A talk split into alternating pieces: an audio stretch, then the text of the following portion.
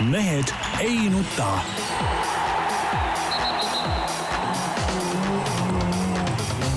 mehed ei nuta.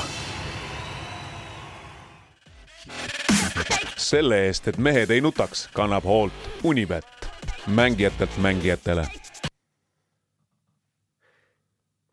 tere teisipäeva, Mehed ei nuta eetris nagu tavaliselt. Tarmo Paju Delfist, tervist! Peep Pahv Delfist ja Eesti Päevalehest, tervist! Jaan Martinson Delfist, Eesti Päevalehest ja igalt poolt mujalt. mind see kõll ajab segadusse, ma ei tea kunagi, millal ta ära lõpeb. et kas tuleb veel midagi äkki Ja kas tuleb äkki veel, äkki meil jah. on uus sponsor tekkinud, kes tahab raha tuua no täpselt, ta teeb Jah. nagu pausi ära ja siis alles hakkab rääkima, et kes meie eest hoolitseb. no aga nagu sponsorid igal juhul olete teretulnud. ja, ja absoluutselt, sponsorid oleks äh, Jah, saaks kenasti ja kõigiti juurde. vaja. nii, meil on öö, täna väga tõsine teema alustuseks, poliitteemade ringis nii-öelda no aga see on, ei mitte nii-öelda, vaid see ongi, sest vaata, eile ju poliitikud kõik ju lasid ennast täis ju tegelikult põhimõtteliselt. sa räägid nendest räägid noortekampadest, noortekampadest ja nendest kommentaaridest, mis siin mingid ümarlauad ja ma ei tea, kandilised lauad ja mida nad siis tahavad kokku kutsuda, tead, lollus täielik ju. kuule, pane politseipatrull linna peale eh, nendesse kohtadesse välja, kumminuiad kätte ja, ja ongi kõik ja mingeid pätikampasid ei ole, tead näe. või kui on, siis on kuskil, ma ei tea, metsas seal varjatud kuskil põõsa all, las nad seal rullivad, kui tahavad, aga siis normaalseid inimesi ei kimbutata ja ongi kõik, mingit ümarlauda pole siin vaja. teine asi, kord karm, Urmas Reitelmannil väga õiged avaldused, eile Delfis oli see tema arvamusartikkel, eks ole, väga õige, šokivangistus. kuule, kui mingi viieteistaastane nagamann siin tead peksab ja laamendab, vangi, igal juhul vangi.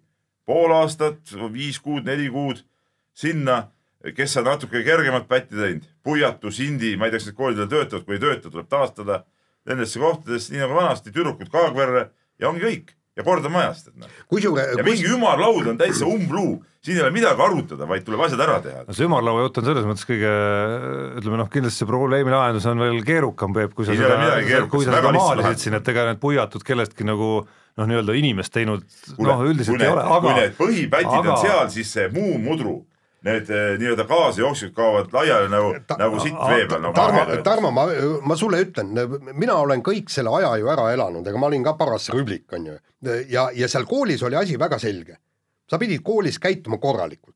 sa pead, pidid käima öö, koolis, sul pidid hinded olema normaalsed, see tähendab seda, et kahtesid ei tohi olla.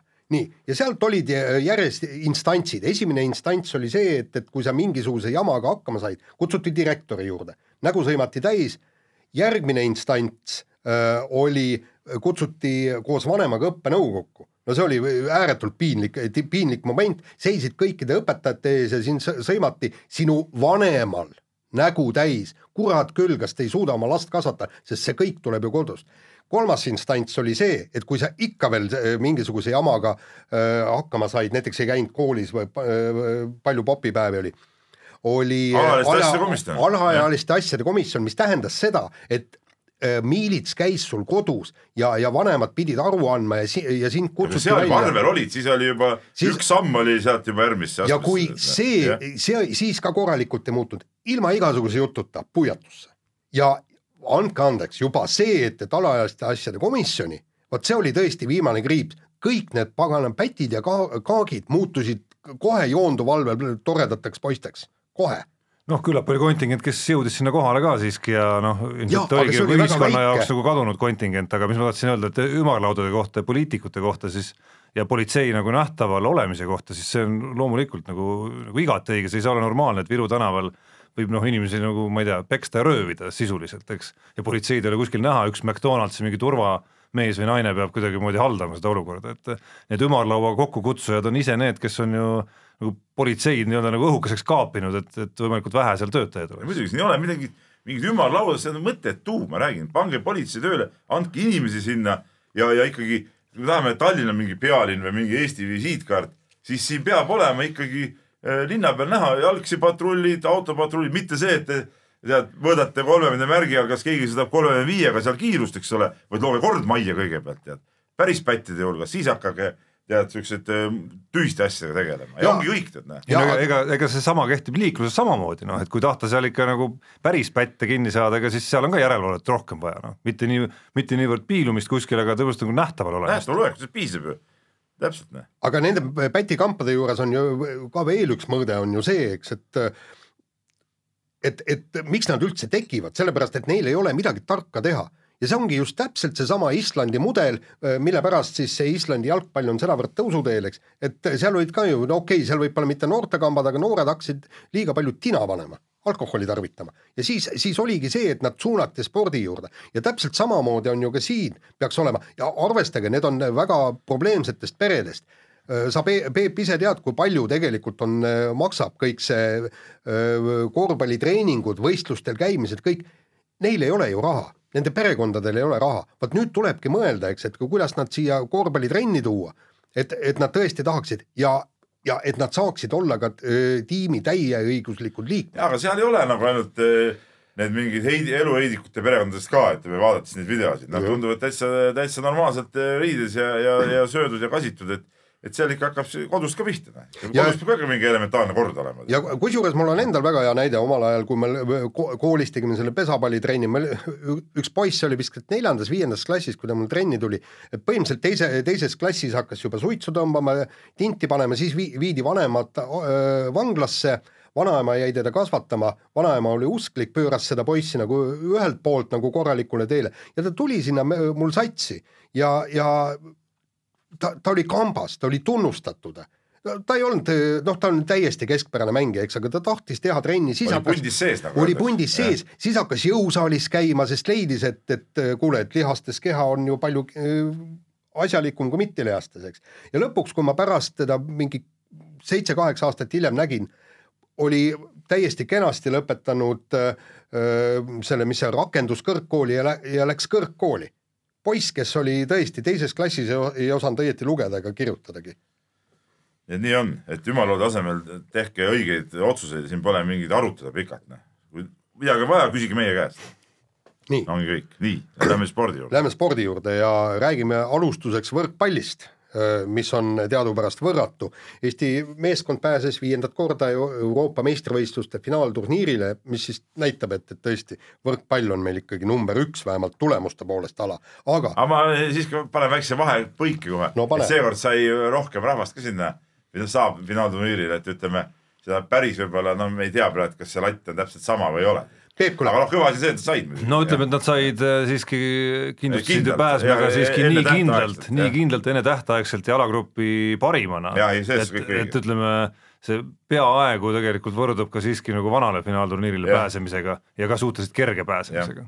kusjuures, aga ma, minu jaoks on palju olulisem ja rohkem avaldab muljet hoopistükkis see, et, et meie võrkpallinaiskond on endiselt suures mängus sees tänu äh, Tšehhi alistamisele jube kahju, et, et Soomele nüüd äh, kaks-null eduseisust äh, see mäng ära anti. aga nüüd Tšehhi vastu võeti seesama Võet... viiendas game'is, eks ole, väga, väga vinge viimase ikkagi oldi kaks, jaa, aga ikkagi oldi kaks-null ees, aga tont sellega, et meil ei ole ju tegelikult naiste tiimisporti olnud, erinevalt Lätist, Leedust, Soomest, no ma ei räägi Rootsist, Islandil, Islandi käsipallinaiskond mängib ju pidevalt MM-idel ja EM-idel ja kõik niimoodi, et me, me oleme kuidagimoodi suutnud öö, kogu selles piirkonnas öö, olla ainsad, kes, kes naiste tiimisporti ei panusta sisuliselt.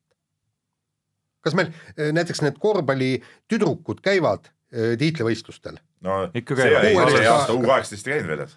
U kuusteist just lõpetas. kuusteist käis ja U kaheksateist ei saadetud välja, kuigi aga... see oli päris hea koosseis, seal jälle, see oli korvpalli räige aps muidugi sest seal tegelikult oli päris normaalne sats oli koos ja, ja mängisid siin aga neid on ohvriks toodud peaaegu iga suvi ikkagi. kedagi on toodud sealt alati, jah. täpselt sama oli ju võrkpallis, ega see võrkpallisats ei aastaid ju neil ei olnud väljunditki, eks ei no neil oli ka naistekoondis ise oli ju nagu suhteliselt ole, olematu nähtus ikkagi.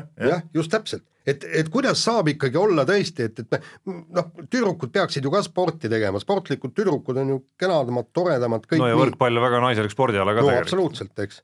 et, et et, nüüd, kui, kui selle punni saaks nüüd eest ära, tõesti saaks finaalturniirile, no noh, nagu ma noor reporter Märt Roosana ütlesin, et ma valiks võrkpallinaiskonna kohe Eesti parimaks võistkonnaks, hoobilt, juba aga, selle pärast. aga olemata nüüd neid mänge nagu väga palju näinud naiste esituses, aga, aga lugedes rohkem sinna juurde, tundub, et see on selline, et kui rääkida nüüd sellest, kas nad saavad või ei saa, siis see kõik on selline väga nagu peas toimuv protsess, et kas suudetakse kuidagimoodi nagu ühest küljest külma pead hoida ja, ja otsustavaid punkte mängida ja kõik needsamad, et neid, neid näiteid sellel suvelgi nii äh, enne EM-i kui ka nüüd EM-il, kus ikkagi seal nii-öelda kaks nullid mängitakse maha ja siis siis kaotatakse see mäng, see, et nüüd võideti Tšehhi vastu, see ikkagi sellest seisust, ma arvan, oli nagu päris kõva boost, ütleme, selleks äh, nii-öelda otsustavaks kaheks mänguks, seda enam, et et lõpus nüüd mängiti ju ilma ühe oma naiskonna liidrita ka veel. aga kui sa pole kunagi sellel tasemel äh, sellist mängu mänginud, siis on nagu loogiline, et see ei tule kohe nipsust, et ma, ma kogu aeg võidangi, noh. et seal need koodirahad tulebki maksta ja praegu nad ongi makstud, sama see eh, Euroopa liigas, et no mängud, see oli ju räige kooliraha, mis maksti. pluss seesama see Soomele kaotus ja Tšehhis võõrsil ja noh, need on teatud asjad, mis, mis tuleb läbi elada lihtsalt, aga, aga, aga selgelt seal potentsiaal on, on, on kõva olemas ja, ja ja noh, praegu on ju kõik nende kätes tegelikult edasi pääseda. ja, ja, ja, ja jällegi nüüd me jõuame taaskord selle nii-öelda riigi juurde ja kõik, et me ei saa kogu seda äh, koormat laduda ainuüksi Võrkpalliliidu õlgadele. ei no nad saavad finaalturniiri, siis nad saavad selle riigi toetuse taha, eks. jah, saavad küll, aga, aga, aga see võrkpallisatsid peavad ikkagi käima ka juunioride meistrivõistlustel ja nad peavad mängima Euroopa liigat ja kõike nii. ja vaata, Peep, eile tuli ju uudis meile see, et, et tänu sellele võrkpalli võrratusele on, on Pärnus oli see, et, et nii palju lapsi tahab minna võrkpalli mängima, et eh, ei suudeta vastu võtta, ei ole treenereid, ei ole, ei ole baase.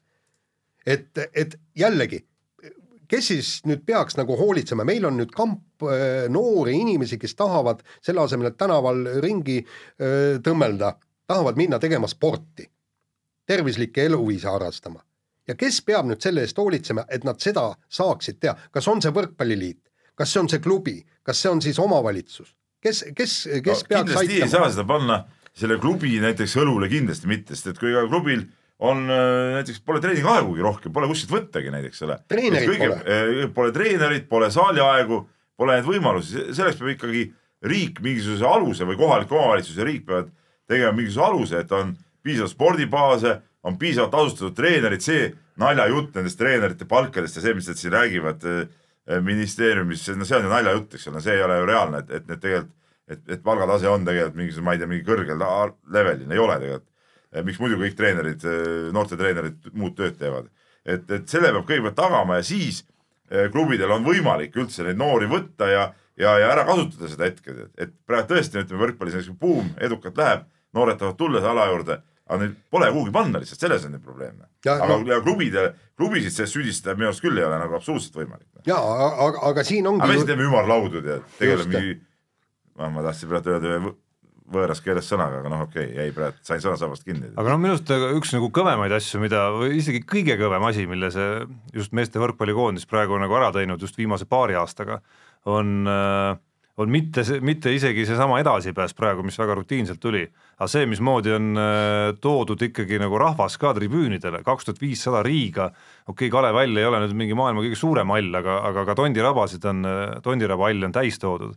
et äh, mis on selline, me oleme rääkinud siin mingid aastad tagasi, kui äh, ütleme, korvpallikoondis seda enam ei suutnud Äh, Kalev Cramo näiteks ka ammugi ei tekitanud niisugust asiotaaži, oleme vaadanud kadedusega kuskile lõunanaabrite suunas näiteks või siis põhjanaabrite suunas, et meil ei ole ühtegi nagu pallimängu sellist äh, emotsiooni tekitajat, noh mingisugustki regulaarset äh, võistkonda, kes regulaarselt siis kuidagi suudaks tuua rahvast kokku ja jälgima panna.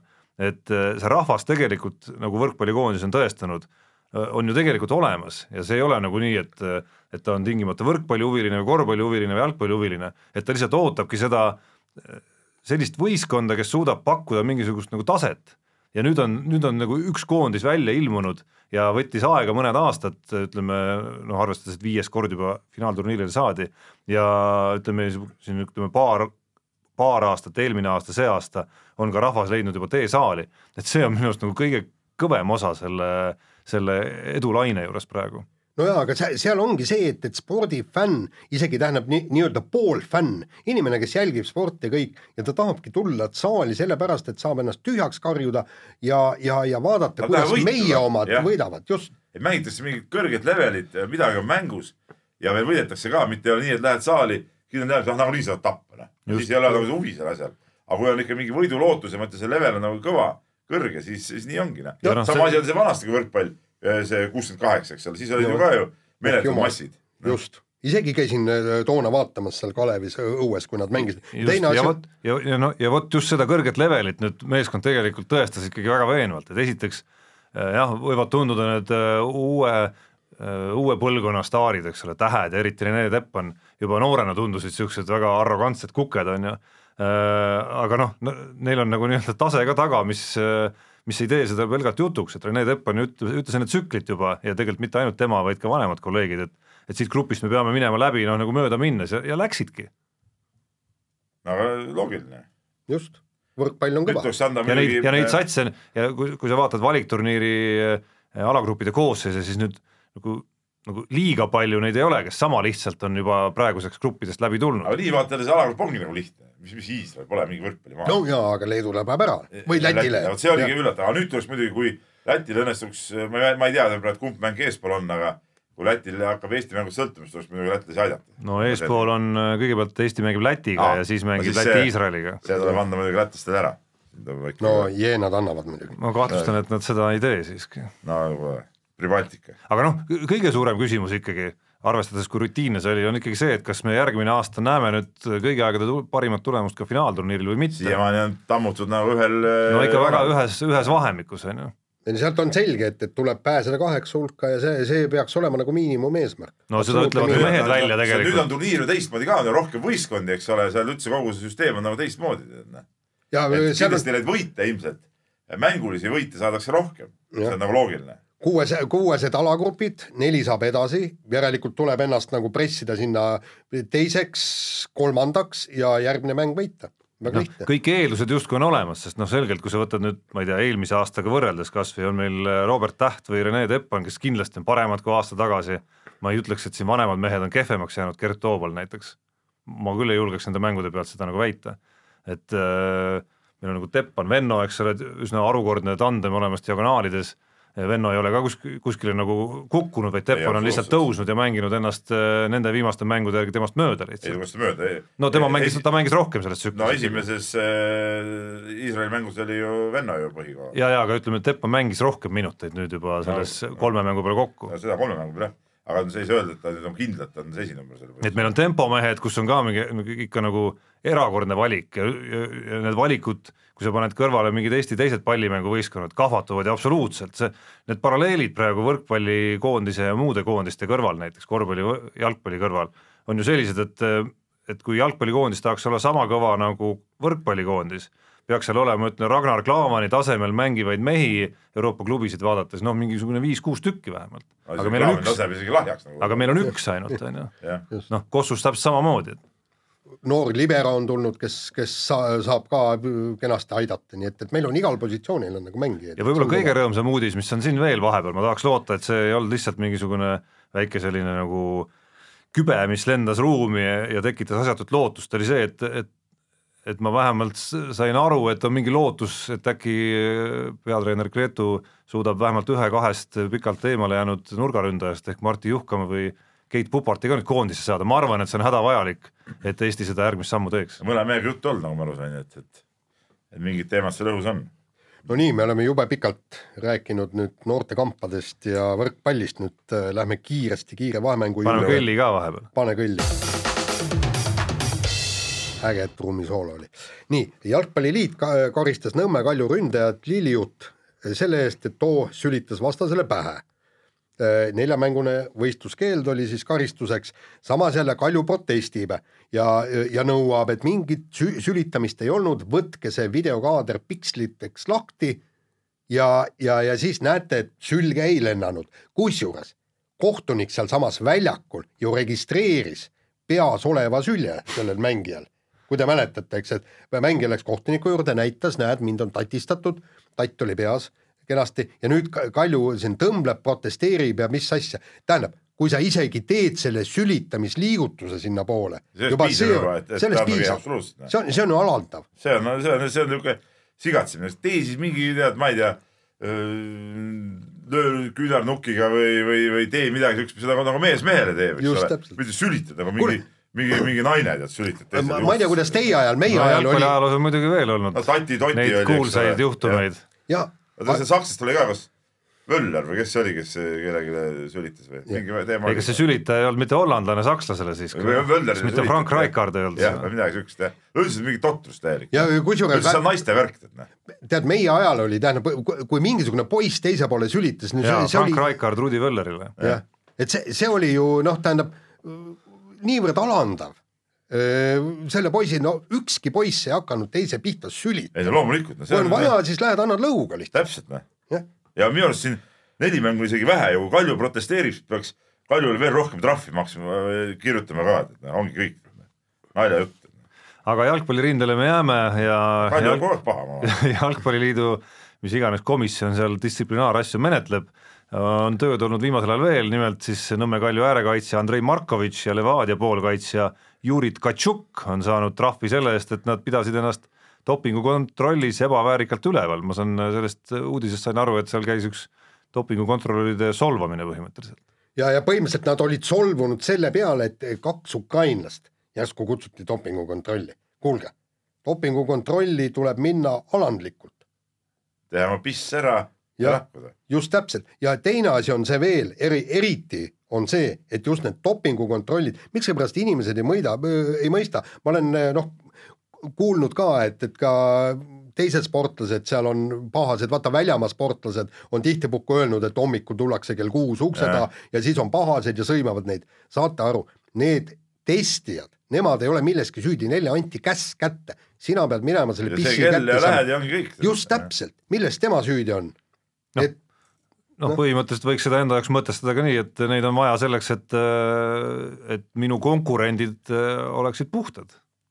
noh, loomulikult kutsutakse mind ennast ka vahel siis kontrolli, see no on just selge. täpselt ja, ja teine asi on see, et, et kõ- kõige mõttetum on just selle dopingu kontrolli peale kogu oma viha välja ajada. tema on väike mutrike, tema teeb lihtsalt oma tööd. aga noh, kahjuks äh, ümberringi on ikka näha neid inimesi, kes kuskil poekassas ka mingisuguse poeveidruse peale kas või sellepärast, et ei, vahest saab närvi küll. ei no ütleme, kõik need veidrused ajavad vahest närvi ja, ja saabki pärast Aga- aru küll, et see inimene ei olnud süüdi, aga ikkagi Jaa, tema on selle jälle samas selle ettevõtte esindaja milles on poemüüja süüdi näiteks, kui ükskõik, kes see poekett parasjagu on, Selver, Prisma või Rimi, et tipptunni ajal on üks kassa pandud tööle ainult, eile oli Selveris hea näide näiteks selles nii-öelda lihaletis, ainult üks müüja, väga pikk järjekord oli, mis mõttega ma teda siis sõimama hakkan seal?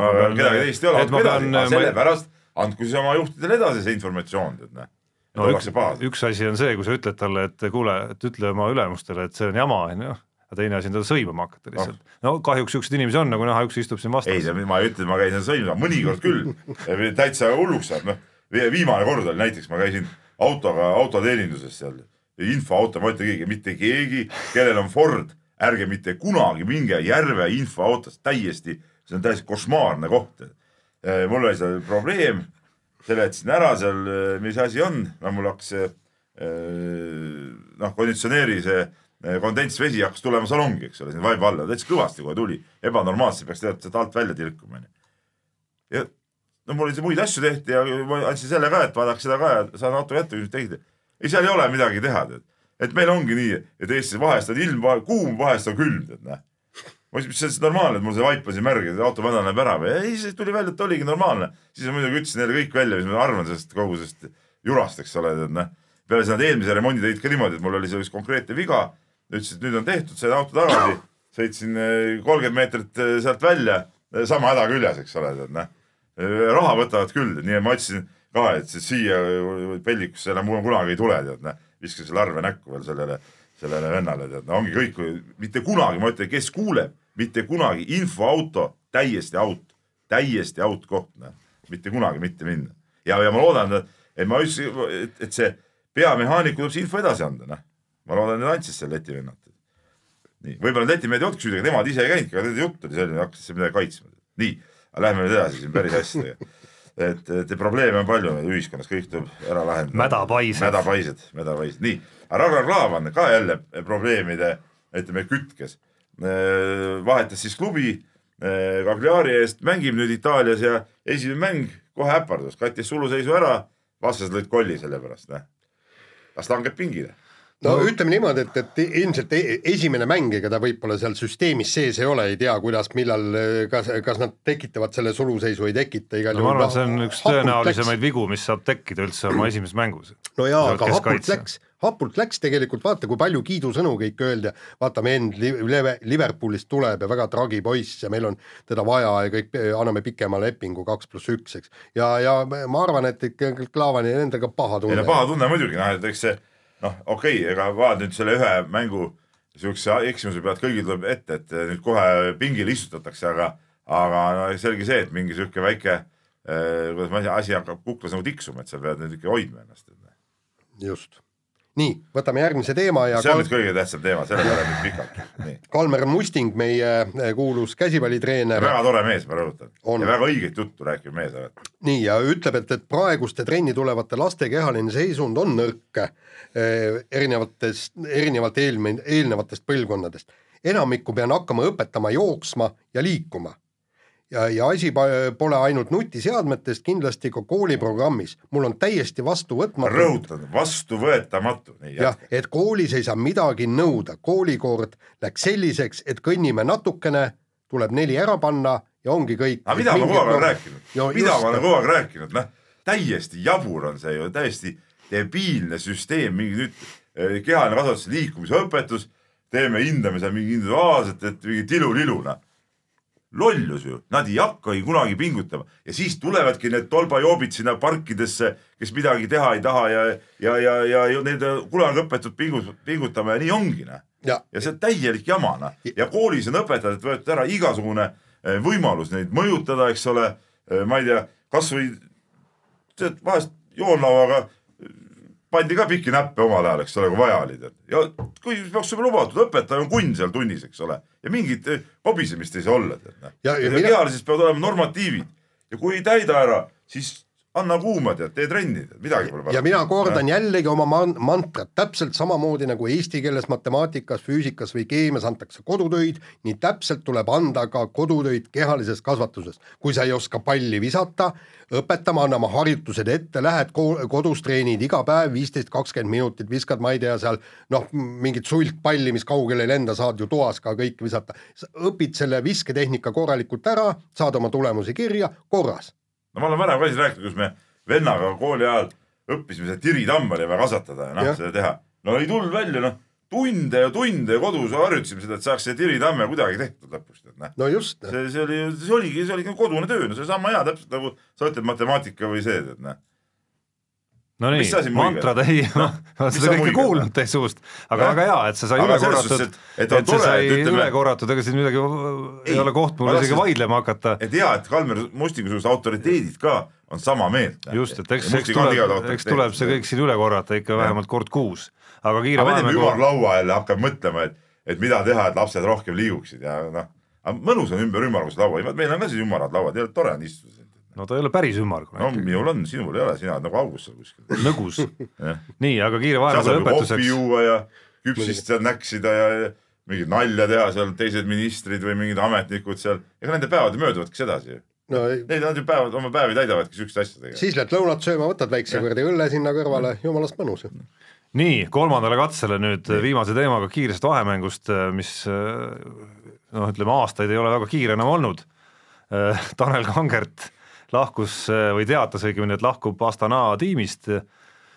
siirdub ameeriklaste tiimi, mille ni- nime ütleme nüüd lühidalt välja, ehk siis Cannondale. ei ole, ta on isegi, oota, mis see oli, see, see oli mingi trap cup. ei, no see on kirjas E kõik, EF Education First Tripac see PB Tripac on ju. Cannondale, no vahet No ei ole ühesõnaga.. Cannondale'i nimel me sama teame, tase, mis on Kehra paber, Horizon, paper ja Võru paper. juustmetall, et noh, täpselt sama tase. aga ühesõnaga tähtsam on see, miks ta sealt lahkus, miks ta Astanast lahkus, ehk siis tahtis mugavustsoonist välja saada ja tundub, et natukene läksin selle hooaega hammasverele ka selles suhtes, et tahaks võib-olla vahel ka võidu peale sõita. aga minul jäi küll mulje, et ta sellest eh, klubi vahetusega nagu sellest oma tsoonist nagu välja ei tule, sest et see intervjuu, mis ta seal andis uude klubisse minnes oli ikka sama, et, et kui ta nagu näeb, et klubis on ikka mingi sihuke vend, kes võiks liider, siis mina pean teda ikkagi aitama, ma hea meelega aitan ja täpselt sama roll. mina sain siiski teistmoodi aru, mina sain Ei no aru, seal et on ikkagi nii- ta näeb, ta ei ole selle nagu satsi kindlasti nagu esisõitja suurtel tuuridel, aga et ta saab kindlasti rohkem võimalusi võidu peale sõita. ja ja kusjuures väiksematel tuuridel ta saab äh, rohkem võimalusi,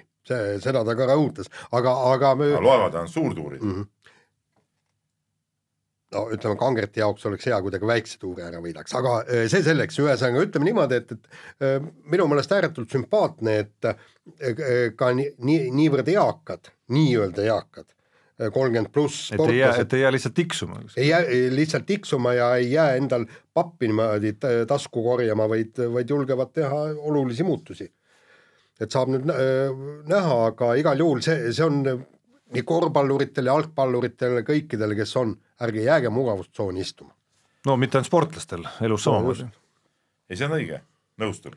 nii, Nii. lase kõlli. laseme kõlli. nii, Peep ja kirjakast. rubriiki siin, kahklen siin pabereid ja, ja, ja võtan, võtan Kalle kirja kõigepealt ette. tere mehed, tuli uudis, et Serena Williams ei tohi vähemalt Prantsusmaa lahtistel enam seda trikood kasutada, mis iseenesest näibki päris jube välja. No peab nõustuma, see oligi päris jube. Oota nii, oota, loeme kirja lõpuni, Jaan. Jah. Öelge palun üks spordireegel, mis mul keelab ükskõik millise riietuse, ükskõik millises, millist spordiala teha. noh, mis mõttes korvpallis Korvpallis ju. Ei tohi isegi- eri värvi alussärk äh, sellest nii-öelda Ei, peamisest alustada särgist. isegi see äh, põlvekaitse või, või sääris või, või käeasi või kõik need peavad olema ühte värvi ja tervel võistkonnal, et, et see ei tohi olla nii, et mul on näiteks see valge see mingi käekaitse ja sul on näiteks must ühes võistkonnas, see on keelatud. dressi, ma küsin, kas dressipüksid tohivad olla? dressipüksid, no korvpalliväljakul, pikkade pükstega Jah., ei muidugi ei tohi. on see kirjas? ei no loomulikult lühikesed kindel, ei no, liibukad tohivad olla ju. seal on ka mingi reegel. see on ka ju üsna tavaline juba, et siin mingi mustad liibukad on alla jaa välja., aga siis peavad kõigil, see ma räägin, kõigil peavad olema mustad näiteks, sul ei, ei saa olla nii, et mul on näiteks mustad ja sul on näiteks mingid hallid. sihukest asja ei saa olla enam, kas see on reeglis kirjas. kusjuures isegi sama värvi sokid peavad olema muuseas korvpallis. püksi pikkus isegi ka ja on ka reglementeeritud, on. et, et selles suhtes no. on ja alussärki võib korvpallis praegu kanda üldse minu arust ainult mingi arstitõendi olemasolul. ja kusjuures tennises on ju Wimbledonis peab olema valgel põhjal ja seal on ju antud äh, tä täpselt äh, kirjas, et kui, kui palju või siis kui vähe sul võib sellel särgil värvi olla, aga, aga mis ma selle äh, trikoo kohta tahan öelda, see oli Williamsi seljas jube, aga v- noh, niisugune volüümikama ja niisugune naisterahva seljas, oleks ta- veel ta on Vilnius kõige rüübikam ta ongi kõige volüümikam no tennisist tema on üldse, niisugune tankiakulik Jaanik Hele, noh. sa tahad öelda, et eh, Williams ei ole nagu ilus või? Kas tahtsid niimoodi öelda ütleme niimoodi, et tema äh, kehavormid võiksid olla veidi tagasihoidlikumad. nagu on sellised. No see on ju No ma- ma siiski Jaan ma täpsustaks, et see on maitse asi, Jaan, ära, ära hakake siin naiste, naiste ilu kallale minema tõesti. ei, me räägime, siis vastavalt eh, kehavormidele ka riietus, no väga lihtne. aga tead muidugi. küsimus, küsimus on etiketis, rohkem et nagu see- mängu selline- etiketis, mitte naiste ilus. jah, nii ja Mikk Mäharilt tule- tuleb huvitav küsimus. kumba eelistada ETV ekraanil, kas koduse meistriga jalgpalli või saadet Kirjandusministeerium? no vot siin ma tahan jälle öelda, tähendab äh, peale AK oli üldse teine saade, mida ma üldse telekast vaatan, eks. AK-d vaatan, no peale spordi muidugi, eks, oli äh, raudselt Kirjandusministeerium, eks kuna ma olen noh, suur lugeja, nüüd kaotati see ka ära, no, no täielik ämber, noh. no ütleme niimoodi, et, et see ETV võiks tõesti ennast lõppude lõpuks noh, kokku võtta. kokku võtta ja, ja mõelda, mis on oluline noh, see on täpselt nagu see, et, et riik ei hoolitse selle eest, et, et noored oleksid äh, noh, ei oleks paksud ja kõik nii, täpselt sama, me peaksime lugemisharjumust rohkem sisse viima ja kõike niimoodi. Ja nüüd me võtame selle, tõesti oli väga hea ja saade. mis. siis salata, Kirjandusministeeriumit vaatasin isegi mina, kuigi mitte nii, et me noh, päris igat saadet, aga kui ma vähegi olin kodus ja, ja, ja õhtul seal kellaajal ja sai vaadatud küll ja, ja Mart Juur seal saatejuhina, noh, super luks ka, eks ole. ja, ja nüüd paneme sinna Eesti liiga jalgpalli sinna Eesti jalgpalli, mis ei huvita absoluutselt mitte kedagi, no absoluutselt mitte kedagi, no see on eks ju, äh, see on ju täiesti null ja ma tahaks kohe huviga teha neid eh, reaalseid eh, reitinguid kohe. sa oled neid minu arust näinud ka. jaa, aga no jälle avalikkuse ette võiks isegi tuua need. no see on täielik jamps ju noh, Eesti jalgpalli sul on Peep see võimalus, sul on Peep see võimalus kohe varsti, kui lähme saatest ära. no, siiski, võta ise need ette ja ära tea. seda küll. aga et tehta kuu ikka. jah, nii, aga no nii, et kõik said aru, et me oleme Kirjandusministeeriumi poolt igal juhul. nii, ja siis kõigepealt ja, Jaan, Jaan saab kriitikat, kuna mina olen jälle kirjade juures, siis Jaan teeb kriitikat, Indrek kirjutab meile, jutt tuleb siis sellest, me rääkisime siin eelmine saade sellest Pärnu eh, narkopeost ja siin saab Jaan ka hurjutada, et Jaan Martinson omab ise mingit keemiapiipu ja kirub siin narkopidusid. no, No no ei- ei no see, peitsid selle keemiapiibu küll selle värska pudeli taha ära praegu. aga no eks see, see on ei ikka., aga see on legaalne, see on, see on legaalne, ma lähen poodi, lähen ostan, tähendab noh, ma ei saaks mitte ühtegi halba sõna öelda, kui meil oleks kanep lubatud. kui meil oleks kanep õnneks ei ole lubatud. õnneks ei ole. et selles suhtes ma pean Jaaniga nõustuma seekord, Indrek. no ega, ega seda heaks ei kiida Jaan ikka. me heaks ei kiida seda noh., aga, aga me ei saa ka midagi sinna teha, see on lubatud. nii, ja Reimo küsib huvitava küsimuse, et eh, kas Peep teab, mis suure eh, meistritiitli Tarmo võitis nädalavahetusel? ja kusjuures võib-olla mitte nii suure, küll aga tähtsa, Tähtsa. kohaliku meistritiitli. no loomulikult tean, sest esimene asi esmaspäeval tööle tulles tuli Tarmo meie, meie täpsust, nurka. täpsustan siiski, see ei olnud esimene, sest ütleme, sa jõuad tööle umbes No- no, tund ja veerand pärast mind. nii, no ütleme, kui mina olin tööle jõudnud, oli esimene asi ja ka Jaan oli juba tulnud vist, eks ole, parajasti. ega tead, ma võin sulle öelda vahele äh, lihtsalt, sa saad lauset pärast seda jätkata, ega sinu kohalolek mind väga ei huvitanud, aga, aga Jaaniga tuleb golfikogemusi muidugi no jagada. see, kui nad tulevad seda golfi, siis ma alati pean neid nagu välja viskama sealt meie nurgast, aga jah, esimene asi oli siis see, kui Tarmo tuli teatas, et ta võitis siis, mis oli, Lääne, ei Ida, Ida-Harju. Ida-Harju meistritiitli eh, spordialal, mida ei saa spordiks muidugi nimetada. ei no see on kõva spordiala, golf on, see ei ole spordiala. sport. See on selgemast selgem ja, ja, ja nii see, nii see paraku on, aga jah, teame ja üldiselt kiidame heaks muidugi. selles suhtes Tarmol oli muidugi õigus, et ma kiidan loomulikult heaks selle, et äh, kohalikul tasemel äh, siukseid tsempionaate korratakse, see on muidugi õige ja ütleme olla valla tšempion, olla No oma öelda, piirkonna rajooni tšempion, see on väga oluline. aasta tippsündmus, ma võin sulle öelda, on alles tulekul, ehk siis Aruküla tšempionaat. ahaa, kas seal on nagu tõsisemat konkurentsi see on see, see saab, see on nagu golfi aasta tippsündmus ikka. ja kas sa seal oled ju kindel favoriit, kuna sa oled juba ju nagu, see on nagu liidu meister tuleb Estikatele. ei no seal on, seal on näha põhimõtteliselt, kuidas ikkagi nagu äh, nii-öelda vormiteravikku on, rihivad seal väga paljud just sinna. nii, aga seesama Reimo sealhulgas, võin teha väikese kas nagu siin oli mingi kibe kadeduse uss oli selles, selles kirjas nagu ja tunnetatav ma? tean, et ta kuulab praegu oma Ford Transitis kusjuures seda, aa, sul ka Ford Saadet., Reimo, jumala eest, loodan, veel kord kordan seda mantrat, ära info autosse mine oma Fordi remontima, tead, mul on halvad kogemused, tead, võin, võin rääkida veel sellest pikalt ja laialt muidugi.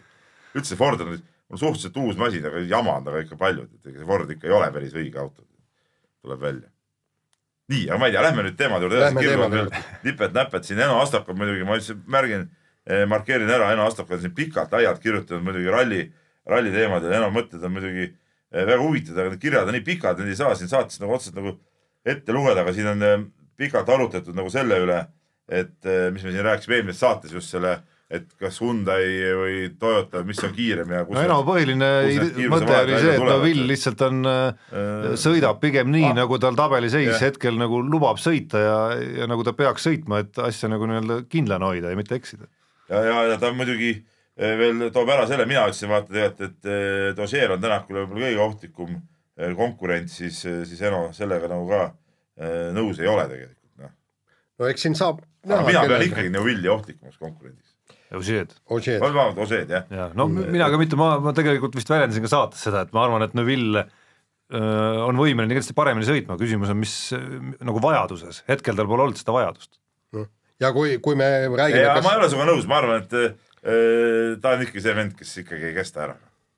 ja, ja, ja kui me räägime, kas, kas Toyota on teistest parem või mitte, siin öö, miks peab hakkama Ogier tõmblema öö, amortide vahetamisega, tahab seda uut aerodünaamilist paketti ja kõike, sellepärast et auto ei ole piisavalt kiire. aga ühtlasi ma tahan tervitada ka ma, ma segan korra vahele, ma ei tea, kus on, kust tuleb sul alus arvata, et öö, Neville kestab kehvemini kui Tänak tiitliehitust, kes Tänak pole üldse olnud selles ehituses varem kunagi sees. kas ma räägin mingist Tänaku tiitliehitlusest? no sellest me räägimegi konkurendid on ikkagi eh, Neuvill ja, ja, ja ei no me räägime sellest kõigest siiski Tänaku aga, kontekstis. aga, aga noh, lihtsalt Neuvill on nagu näidanud aastatega, et ta ei, et ta ei kesta ära. aga veel kord ma tahan äh, tervitada ka, ma ei mäleta, kes oli see kirjasaatja, kes äh, siin ähm, eelmises saates või peale Soome rallit äh, saatis kirja Mats Östbergi eh, teemadel, kui ma olin nimetatud Östbergi keskpäraseks sõitjaks ja Östberg sai Soomes teise koha, siis tervitan seda meest ja ole hea, vaata Saksamaa ralli lõppjärjestust. muud ei ole vaja ütelda. nii, lähme Nii. nüüd edasi. Lähme edasi, kas kõlli paned, ei pane? Ei pane. ei pane, okei kuidas nii? no okei okay., nii, räägime Kaia Kanepist. võin veel ühe panna, kui tahad. Ei, aga ei, okei räägi Kanepist. eile vaatasin mängu väga, väga vinge mäng oli eh, maailma esireketi vastu. ei olnud väga vinge, igav Simona oli, Halepit vastu, et igav väga ühepoolne. väga ühepoolne, aga õnneks Kaia Kanepi poolne ja pärast äh, teise seti äh, kolm-null eduseisu mul tekkis kohe küsimus, millal viimati Kaia Kanepi mängis niivõrd hästi? ja, ja tõesti, kui hakata mõtlema, siis peab ikka ajas kõvasti tagasi tulema no.. aasta tagasi US Openil ega ta ka kehvasti ei mänginud. ütleme niimoodi, et, et maailma esireketit niimoodi purustada, nagu ta öö, tol hetkel purustas, noh, see oli tegelikult Jaan, aga kas ta mängis ise esireketi tasemel siis või? tema ise. Kanepi. jube raske on öelda, aga, aga ma, ma, ma miskipärast äh, leian, et, et ta mängis ikkagi Simona Halepi puhtalt üle, ütleme niimoodi, kui, kui äh, see, see on see äh, igavene asi. kui Simona Halep mängib oma parimat tennist ja Kaia Kanepi oma parimat tennist, siis võidab Halep. kui Kaia Kanepi mängib oma parimat ja Simona Halep natukenegi kehvemat, siis, siis, siis ta kaotab. et vahe on päris väike siis. ja va- vahe on väike, aga kahjuks Kaia Kanep ei mängi liiga tihti oma parimat tennist, sest eile oli ikkagi see, kuidas ta ründ-, esi, esimene sett, ta tegi vist ainult kuus lihtviga, mis on tema jaoks on ju noh, ülivähe. ta, ta suutis kõik pallid sinna lüüa, kuhu oli vaja, vaadake, kuidas ta neid eh, stoppereid lõi. ta, ta võrgumängus, mis ta oli, üheksast sei- seitse punkti, millised geniaalsed stopperid öö, ta lõi, see oli kõike tõ- tõesti ilus vaadata, aga samas öö, ühest küljest võiks nüüd arvata, et ohoo, et, et kui kaugele ta jõuab ja mitte midagi, Kaia Kanepi puhul on ikkagi see, et öö, tuleb võtta mäng mängu haaval. tal järgmine vastane on küll, vaatad edetabeli koht on sa, midagi sada pluss vist oli. no naiste tennises minu arust praegu ei ole see ainult Kaia Kanepi või Anett Kontaveidi puhul nii, vaid, vaid ikkagi noh, nagu Simona Halepi näide näitab kõikide mängijate puhul nii, et sa, sa ei saagi rohkem vaadata kui üks mäng korraga kindlat. liidrit ei ole, eks ole, see, see ongi täna üks, homme teine, et, et siuksed valitsejad nagu vanasti olid, ei ole ju praegu naistennises. just ja, ja, ja kui Kaia Kanepil tõesti see mäng jällegi niimoodi välja tuleb, kui ta sinna nurkadesse palle lõi ja kõik niimoodi, lihtsalt ükstapuha, kes sul vastas on, ta, ta ei ole võimeline neid palle ära tooma. noh, see, mida eile õhtul, ma seda mängu otse küll ei näinud, aga aga vaatasin järele Eurospordi stuudiot, seal, kus Mats Vilander ja Barbara Schett asju arutavad, et seal, seal nad juhtisid ka tähelepanu kõigepealt nagu ühele seigale, et Kaia Kanepil oli väga hästi selge, mismoodi ta peab mängima Simona Halepi vastu, et Halep, kes ei ole selline nagu ründav mängija ja nii-öelda äralööja, vaid pigem selline hästi sitke ja nagu mitmekülgne mängija, siis noh, esiteks Kaia Kanepi loomulikult läks nii-öelda seda mängu nagu ära lööma, aga üks asi on see nagu noh, panna see plaan õigesti paika, aga teine asi on see siis nagu praktikas ära ka teha, lüüa need pallid nagu õigele poole joont kogu aeg ja nii-öelda üle võrgu, mitte võrku ja see on see, mis tuli tal hiilgavalt välja. just, hurraa. nii, vahetame teemat ja läheme vähe keerukama ala juurde, vähemalt äh, Eesti kontekstis, ehk siis sõudmine aastal kaks tuhat kaheksateist ja kui äh, maailmameistrivõistlused on ukse ees, läks siin äh, Eesti sõudjate seis veel segasemaks, kui Allar Raja teatas ootamatult, et tema lõpetab üldse hooaja. no seal on mitte, segadused ei ole mitte ainult aastal kaks tuhat kaheksateist, nagu No aga see- see ületab nüüd- koondise ümber ja nende paatkondade moodustamise ümber on eh, mingi trall käinud ju kogu aeg. no see tänavune ületab minu arust ikkagi nagu kõik piirid, juba, et jah, kuskil jah. vahetult enne EM-i kuskilt jääb Hendrikson eemale, üks põhijõud ja nüüd äkitselt Raja lõpetab hooaja ära, see on ikka mingi täiegi jamps. no mulle tundub, et kuskil on ikka nende treeningutega ka väga puusse pandud, sest et vormi nagu ei ole. ütleme niimoodi, kas treeningutega puusse või, või on ikkagi see äh, Tõnu Hendriksoni jutt, et ollakse nagu ikkagi pandud mingisse oma tsooni ka. oma tsooni ja no, näpitakse nutitelefone ja kõik ja seda arengut ei toimu, et, et võ- võib-olla on see nüüd põhjus, aga mis kõige hullem on see, et, et ega eile ju meil öö, noor reporter Madis Kalvet öö, proovis teada saada, et kas nüüd minnakse MM-ile ja milliste paatkond- neljapaadist, kahe paat on kindel, ühe paat on nagu paigas, Just. ole. Aga kas minnakse- Need, peaks ja- nagu minema minu ja, ja põhimõtteliselt küsimus noh on, neljapaadi minekus. just, et juhatus ei ole otsust vastu võt-, võtnud ja siis peatreener Mati Killing oli öelnud, et, et me siin ootame, et paadid on vist juba teele saadetud, aga me, me ootame, kui juhatus ütleb, et kes lähevad, siis need lähevad, noh mingit kurat täielikku absurde ajavad. no ja, ja no see ongi nagu jabur, et, et MM-il pole midagi jäänudki, eks ole, et nüüd tehti mingeid, ma ei tea, teste, eks ole, nüüd vist tehakse veel mingeid teste, mida tähendab testida, MM on kohe ukse ees, noh. noh, see on nagu vanasti liidukoondises oli, et eh, päev enne võistlust tehti veel katsevõistlus, eks ole, et ja seal tõmmati ennast tühjaks. noh. kuule, aga te- si, si, siin tekib ikkagi küsimus, kas, kas niisugune pornograafia, kes, kes selle pornograafiatega, kes vastutab? Tähendab, vaata, kindel medaliseltskond, teate ju suudetud kogu aeg võtta medalit, kui on normaalse paadi kokku saanud. ja ikka kogu aeg soditakse ja lõhutakse ja nikerdatakse neid asju ära. ja, ja, ja kusjuures äh, sai räägitud ka äh, sõudjatega, et äkki tuua ikkagi peatreeneriks tagasi Tatjana Jaanson. tema on niisugune käre mutt, et tema ei lase seal mobiiltelefoni näppida ega mitte midagi. seal paneb üle kaela, kui vaja on ja kui, kui vaja, siis paneb ka vaeruga üle kae- kaela. aga ma kardan, et need aga siis pehmemad vennad lihtsalt kaovad ära. just, nad ei taha ju karmi treenerit. vot, nii, ja lähme korvpalliradadele ja, ja väike, no mis, mis alles on ilma korvpallita ja Kalev Cramo eh, on usin, usinasti meeskonda komplekteerinud ja siin eelmisel nädalal tuli uudis kahe legionäri palkamisest ja, ja mehed, kes eh, ütleme statistiliste näitude ja, ja varasema ajaloo poolest ei ole sugugi pahad mehed. üldse mitte pahad mehed, et siin on ikkagi mehed, kes on äh, nagu korralikes Euroopa keskmistes liigades mänginud liidri rollis, et mitte, mitte mingisuguses viieteist, kahekümne minuti või või kaheksa punkti rollis, vaid ikkagi nagu vedanud oma meeskondi. ütleme, ma ei taha siin ette midagi hõisata, aga ütleme kahekümne kaheksanda augusti seisuga ei ole BC Kalev Cramo äh, nii-öelda nagu tegemised kunagi nii heas seisus olnud kui hetkel, vähemalt paistavad välja niimoodi paistavad välja niimoodi, noh põhimõtteliselt eh, juurde soovitakse ühte meest veel minu teada no korvi all on puudu. korvi alla jah, ühte, ühte pikka nagu, mis peaks ka lähiajal selguma.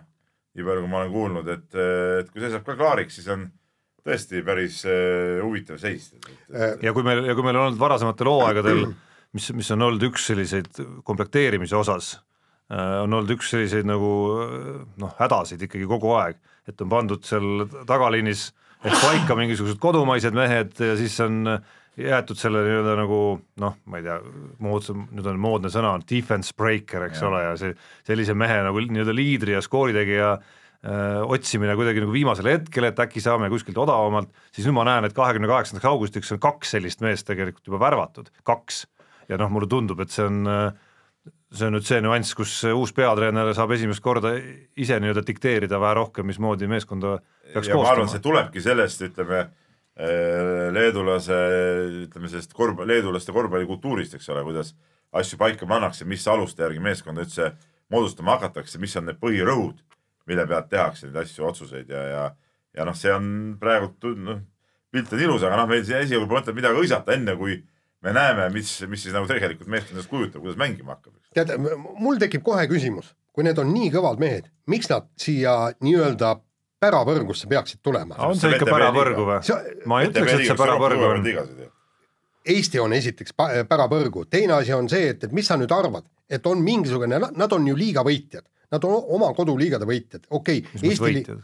ei ole või oma meeskondadega või, tegijad või? no need, kes tulevad. ei no võitnud nad otseselt, ma ei tea, et oleks midagi, nad on Aa. pigem sealt a la Poola liiga mingist keskmiku liider ei, miks nad. tulevad ja on väga lihtne, vaata, kui palju siit on läinud mängijaid edasi rahakate klubide peale, saanud häid Frank Elekaard ja Monte Harper. välja. siit on väga, väga hüppelaud, sa mängid VTB ühisliigat, ütleme, mis ma räägin, noh on Euroopa ikkagi tugevamate liigade hulka kuulub, kus on kaks euroliiga satsi ja nii edasi väga, ja kus on väga rahakad klubid ja. väga rahakad klubid. esiteks siin on võimalik silma äh, paista juba ja ka siit on võimalik saada ka ütleme Euroopasse kuskile normaalseid lepinguid, et, et, et see on väga hea hüppelaud ja seda peabki Kalevi-sugune meeskond ära kasutama. okei okay,, väga hea, teine küsimus on see, et me räägime kogu aeg mingitest legionäridest, kes eestlastest, kas, kas meil on mõ- eestlasi on seekord nimekirjas isegi päris varakult oli päris palju juba tead. noh. kes, kes nendest on tegija, kes on algviisiku mees ja see, kes viskab kakskümmend punkti mängust? kahekümne punkti mehi ma seal ei näe eestlastest, see muidugi vastab tõele. no ütleme sellist Eesti korvpallurit, kes äh, BC Kalev Cramo ambitsioonidega klubis, ütleme siis VTB liiga play-off'i klubis viskaks kakskümmend punkti mängus, ütleme kahekümne punkti mängus viskamist muidugi näeb üldse tänapäeva korvpallis suhteliselt harva muidugi, kes No okei, keskmisena 15, noh. et sa näed Euroliigas võib-olla ka ühte mängijat heal juhul, kes kakskümmend päris täis saab, aga kes viisteist viskaks, ma ei tea, kas meil on praegu üldse, võib-olla mingi, võib-olla mingi komplekteerimise juures Siim-Sander Vene, jah aga see on ka kõik. et, et aga, aga ütleme nii-öelda rollimängijatena seal ikkagi eestlasi on. et me ei saa päris öelda, et eh, mis on ka nagu oluline, et, et Eesti mängijaid peab seal olema, et eh, noh, loodame, et siis platsidega saavad. no Kristjan Kangur ja Janar Talts on kaks suurt küsimärki ikkagi praegu no,. Nii-öelda nagu uue- uue hooaja kontekstis. ei ole väga küsimärk, Talts on nagu, aga no Talts Kalevisse ei lähe ju kindlasti. see on nagu ju läbi käinud, et Kalev Cramo on ära öelnud. et eh, tema puhul on küsimus see, et kas ta läheb väiksesse Kalevisse Või või Tartusse. Tartusse, et seal on äh, kaalukausid, aga, aga suure Kalevist ta jah, ei, ei, ei löö kaasa. nii, lase kõlli. Läheme saate viimase teema juurde ja räägime talispordist, kuigi, kuigi talve õnneks ei ole ja loodame, et niipea ka ei tule. väga, ma võin öelda küll vahele, et väga kadedaks tegevad kaadrid olid need, mida Kelly Sildaru nii-öelda uudiste katteks näidati. mis No- kaadrid? No kaadrid mägedest ja lumest no., no meil ei ole mäge, augustikuus otsisid lund juba või? ma läheks, ausalt öeldes vabalt võiks minna praegu teha mingi suusapuhkus. ole nüüd, ole nüüd, ole ei. see suvi tahaks veel meres ujuda ja ja olla. seent korjata. nii, aga marjad veel seal kõik. mere, kõva meresuju, millal sa viimati ujusid seal? meres? ma käin kogu aeg meres ujumas. millal viimati? no nüüd ei ole käinud, praegu jahedaks juba läinud, no tahaks, et oleks soojam veel. noh, seda ei tule enam. nii, aga räägime Kelly Sildarust ja Uus-Meremaal siis juunioride maailmameistrivõistlustel eh, neiu võitis hõbeda ja noh, ütleme niimoodi, et, et Big Iris ei ole ta, vist kulda ei ole kunagi väga võitnud jah. et, et aga nüüd, et juunioride hulgas ja hõbe, me oleme siiamaani ikka mõtlesime, et noh, et, et see, kes, kui ta täiskasvanute hulgas kogu aeg on noh, pargisõidus esimene ja kõik muu, et, et no siis juunioride hulgas köki-möki, aga selgub, et ei aga olegi mulle tundub, et üldse, et see tilulilu aeg sellel spordialal on ka läbi saanud. kus see ongi kus see. taset ei olnud, kus Kelly üksi nagu oli see, kes eh, suutis üldse, no võttis sporti nagu tõsiselt, ülejäänud tegid seal mingi fun, fun, fa-fa-fa, näpud püsti.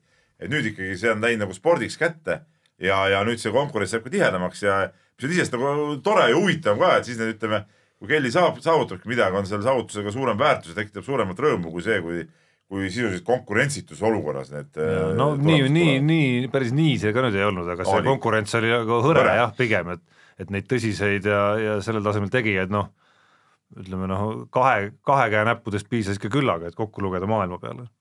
no jaa, aga, aga, aga nüüd ongi seis on selline, eks, et, et äh, tuleb just uus põlvkond, ma seda vana põlvkonda äh, ei karda, ma arvan, et, et need, kes, kes seal kakskümmend pluss eluaastat on, et, et et, et äh, nemad ei tee seda ilma, nad võivad natukene paremaks muuta, aga nendega suudab äh, Kelly konkureerida. aga, aga just see alt tulev põlvkond, kes on äh, ägedad tüdrukud, kes teevad tõesti niisuguseid trikke nagu mida keegi varem teinud ei ole ja, ja vot nüüd ongi see kogu küsimus, et Kelly peab ka jõudma uuele tasemele.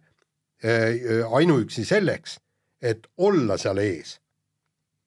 et, et, et kõik need kahekordsed korkid ja noh, põhimõtteliselt saltohüpped ja kõik, need peavad saama täiesti ig- igapäevasteks. ilma nendeta mitte midagi ära ei tee.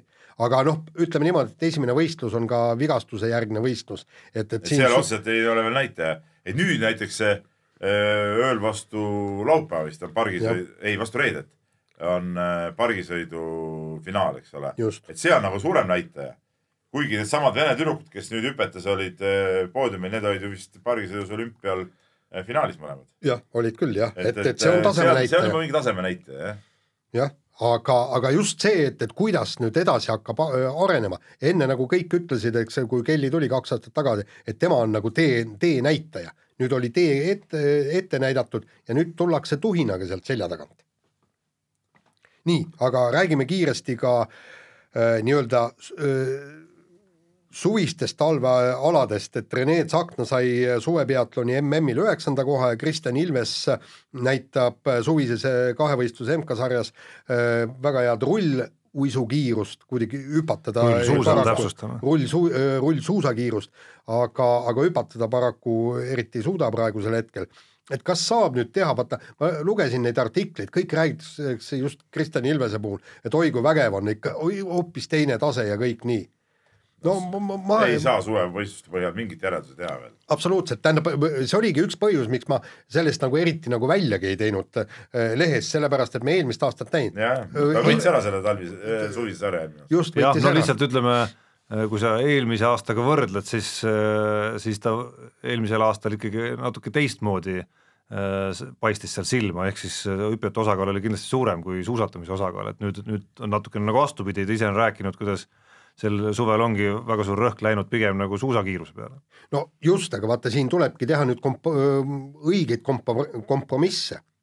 et kui sa alustad võistlust kahekümne viiendalt kohalt ja su su suusakiirus on natukene paranenud, sa jõua ikkagi va-, no vabandage just, väga selleks, et selleks, et suusatamises mingit hüpet teha, ma arvan, et mingil hetkel tuleb ikkagi need, mingil hetkel, mingil perioodil oma karjääris tuleb, ma arvan, ka hüpped vähemalt ajutiselt nagu ohvriks tuua natukene, ma arvan, et seda hüpet teistmoodi suusa, suusakiiruses sa ei saa lihtsalt. aga see veel ei näita tegelikult noh, mitte et tahaks nüüd Kristjan Ilvest kuidagi nagu eh, maha teha, aga ütleme, see rull, rullimise tulemused eh, ei näita veel tegelikult võrdluses ka teistega, mis see tegelik tase siis on, et seda me ju, me ju ei tea, eks ole, esiteks seal ju kõik paremad eh, ei teegi kaasa, mis seisus keegi on, noh ja nii edasi, et, et eh, see ei ole veel näitaja nagu. Ku- kuni sinna välja, et milline on sul suusapark, sellepärast et äh, rullid libisevad kõikidel täpselt samamoodi, on määritud. just. aga, aga suusad mitte ja, ja tegelikult äh, enne kui hõisata, enne ootaks talve ära. ja teine asi, mis võtame selle laske suvepeatoni eh, Sahtna MM üheksas koht. no see näitab veel vähem, Roland Lessing sai kunagi ka medali. ei, mis asja, minu arust kas Indrek Tobrelus, praegune peatreener, on mitte laskejooks maailmameister? On vist, Jaan, on mul õige mälu? võib-olla. mind ei peta, mul on küll on sihuke, sihuke kuri No aga medaleid on nad igal juhul võitnud. no ja minu arust oli ta isegi maailmameister, ma ei tea, kui Tarmo Vilk on näpud selle välja rullinud, et need suve tulemused, need on kõik toredad asjad ja see on nagu treeningu ja, ja ettevalmistuse eh, üks osa, aga, aga, aga see ei ole nagu kindlasti veel otsene näitaja, noh, et kindlasti annab mingit eh, vaheemotsiooni ja vahe siukest entusiasmi nagu teha ja näidata, mis teel sa oled, aga, aga, aga jah, mingit lõpptulemust see ei, ei, ei näita. nii on jah, kaks tuhat laskejooksu kuue kilomeetri sprint ja kuldmedal. no vot, no vot, vot ma ikka tean seda sporti. sa ikka tead seda sporti. nii, ja, ja siit ka noorematele kolleegidele. siit on kohe hea küsimus, aga mis Indrek Tobraluse parim tulemus päris laskesuusatamises oli? ei, tore mees, sõitis vapralt seal, aga, aga tegelikult ühtki medalit ju ei saanud. no just, nii on. ei, ta sai äh, selles äh, kas tema oli juba seal koosseisus patrullisuusatamises, kui sai Eesti, ei olnud, ei olnud. ei, ei olnud arvad ei, ma arvan, et see oli üheksakümnendad. ja no MK-del jäi viies minu mäletamist mööda parimaks tal. nii, aga, aga lihtsalt noortele kolleegidele, et ärge hüpake suviste tulemuste peal talvistel aladel. ära hüppa enne õhtut. No ütleme siia vahele, et keegi pole hüpanud ka midagi sinna. Eks me oleme ise- sina, Tarmo, praegu eks me oleme- natuke hüpitasid ennast seal tooli peal. ei, ei, no see, et äh, eks me ise viskame mingi hüpoteesi õhku, nagu keegi hüppaks kuskile, aga noh, tegelikult äh, no suured ei, ei, artiklid. ei Sahkna ega Ilves ole, vaimustuspursked. ole kusagil ka hüpanud. ei, mitte nemad, vaid meie noored äh, ajakirjanduslikud kolleegid. me neid nagu manitseme natuke rahulikumalt võtma asja. No Kristjan Ilvese puhul oli see üks lugu, mida mina lugesin vähemalt, oli üsna rahulik lugu sellest nii-öelda protsessist, mitte väga hüppamisest. aga ja see oli ka vanem kolleeg, kes selle kirjutas, Andres Vaher nimelt. nojah, aga ta on ka noor mees meie kõrval. meiega võrreldes ikkagi noor, sinuga võrreldes vana. nii, aga sellega on saade läbi, kuulake meid järgmisel teisipäeval ja lase kõlli. nüüd tuleb pikem lausa. mehed ei nuta.